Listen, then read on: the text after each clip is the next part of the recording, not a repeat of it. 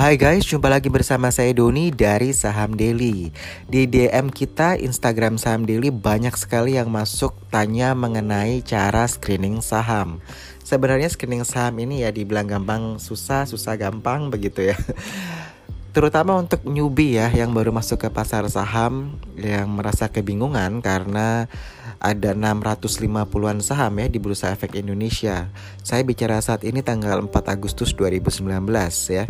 Jadi ya wajar sih untuk newbie untuk bingung gitu ya. E, mau beli saham yang mana begitu ya. Kok banyak sekali sahamnya begitu ya. Uh, kalau bicara screening saham berarti kita bicara mengenai aspek fundamental begitu ya fundamental ya anda pelajari laporan keuangannya ya kan kan biasanya laporan keuangan ada grafik-grafiknya juga ya anda lihat uh, misalkan dari segi revenue, dari segi profit, dari segi cash flow-nya, hutangnya, ROE, DER, PER, PBV uh, dan sebagainya dan sebagainya. Banyak sekali indikator yang Anda bisa uh, set ya sebagai parameter untuk Anda screening. Ambil contoh misalkan ROE lah. Anda taruh saya mau ROE-nya lebih besar daripada 15% Nah kalau Anda setup begitu kan nanti uh, saham yang 650 itu jadi berubah jadi sekitar berapa gitu ya. Akan berkurang begitu ya Karena terseleksi dengan parameter ROE lebih besar dari 15% Misalkan seperti itu. Atau paling uh, gampang gini aja deh ambil 20% dari 650 itu berarti sekitar 130 saham ya. Dari 130 saham itu tadi Anda bagi ke beberapa sektor. Kalau saya nggak salah ya di Bursa Efek Indonesia itu saham-sahamnya kita bisa bagi menjadi 9 sektor ya.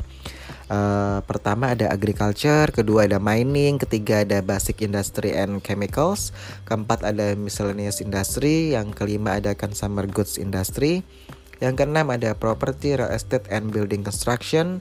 Ketujuh ada infrastructure, utilities and transportation. Yang kedelapan ada finance, yang kesembilan ada trade service and investment, ya kan? Nah, kalau dari 130 Anda split ke 9 sektor tadi, nah tentu Anda bisa lagi uh, menciutkan lagi. Anda lihat kebijakan makro dari pemerintah ya, sektor-sektor mana yang akan difokuskan oleh pemerintah.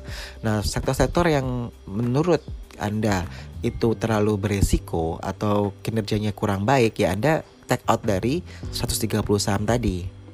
Jadi kan uh, 20% kali 650 saham sisa 130-an saham nih. Lalu Anda bagi per sektor. Nah, saham-saham yang misalkan uh, sektor-sektornya kurang menarik ya Anda keluarkan dari situ. Tentu nanti gak jadi 130 saham kan. Mungkin tinggal sisa uh, 80 saham misalkan begitu. 80 saham misalkan Anda cuma dari 9 sektor Anda cuma ambil 5 sektor begitu. Uh, bagikan 80 Anda bagi menjadi 5 sektor begitu kan? Jadi lebih simpel begitu karena Anda baginya per sektor. Jadi Anda pilih 5 sektor saja uh, terdiri dari 80 saham. Nah day to day nya ini yang 80 saham ini yang Anda uh, analisa begitu. Jadi kalau saya bisa bilang ya dari 80 saham itu Anda bagi lagi per sektor 5 eh, sektor tadi.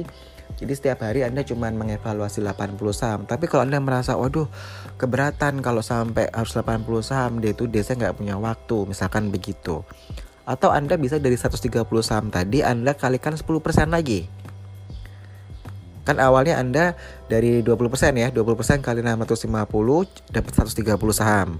Lalu Anda kalikan 130 saham kali 10% Sisa 13 saham. Nah dari 13 saham ini Anda baru split ke sektor-sektornya.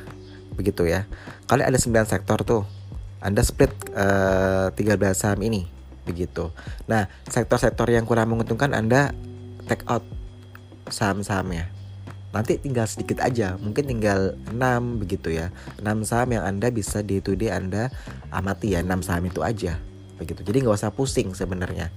Dan kembali lagi ke screening saham bahwa diversifikasi itu penting. Jadi jangan beli eh, atau jangan bukan jangan beli maksudnya jangan anda membuat portofolio anda hanya berdasarkan satu sektor saja jadi kalau bisa tiga atau lima sektor begitu. Jadi uh, beda-beda sektornya di situ. Mengenai diversifikasi sudah pernah kita bahas ya itu uh, untuk uh, supaya kita tidak put our eggs into one basket gitu kan.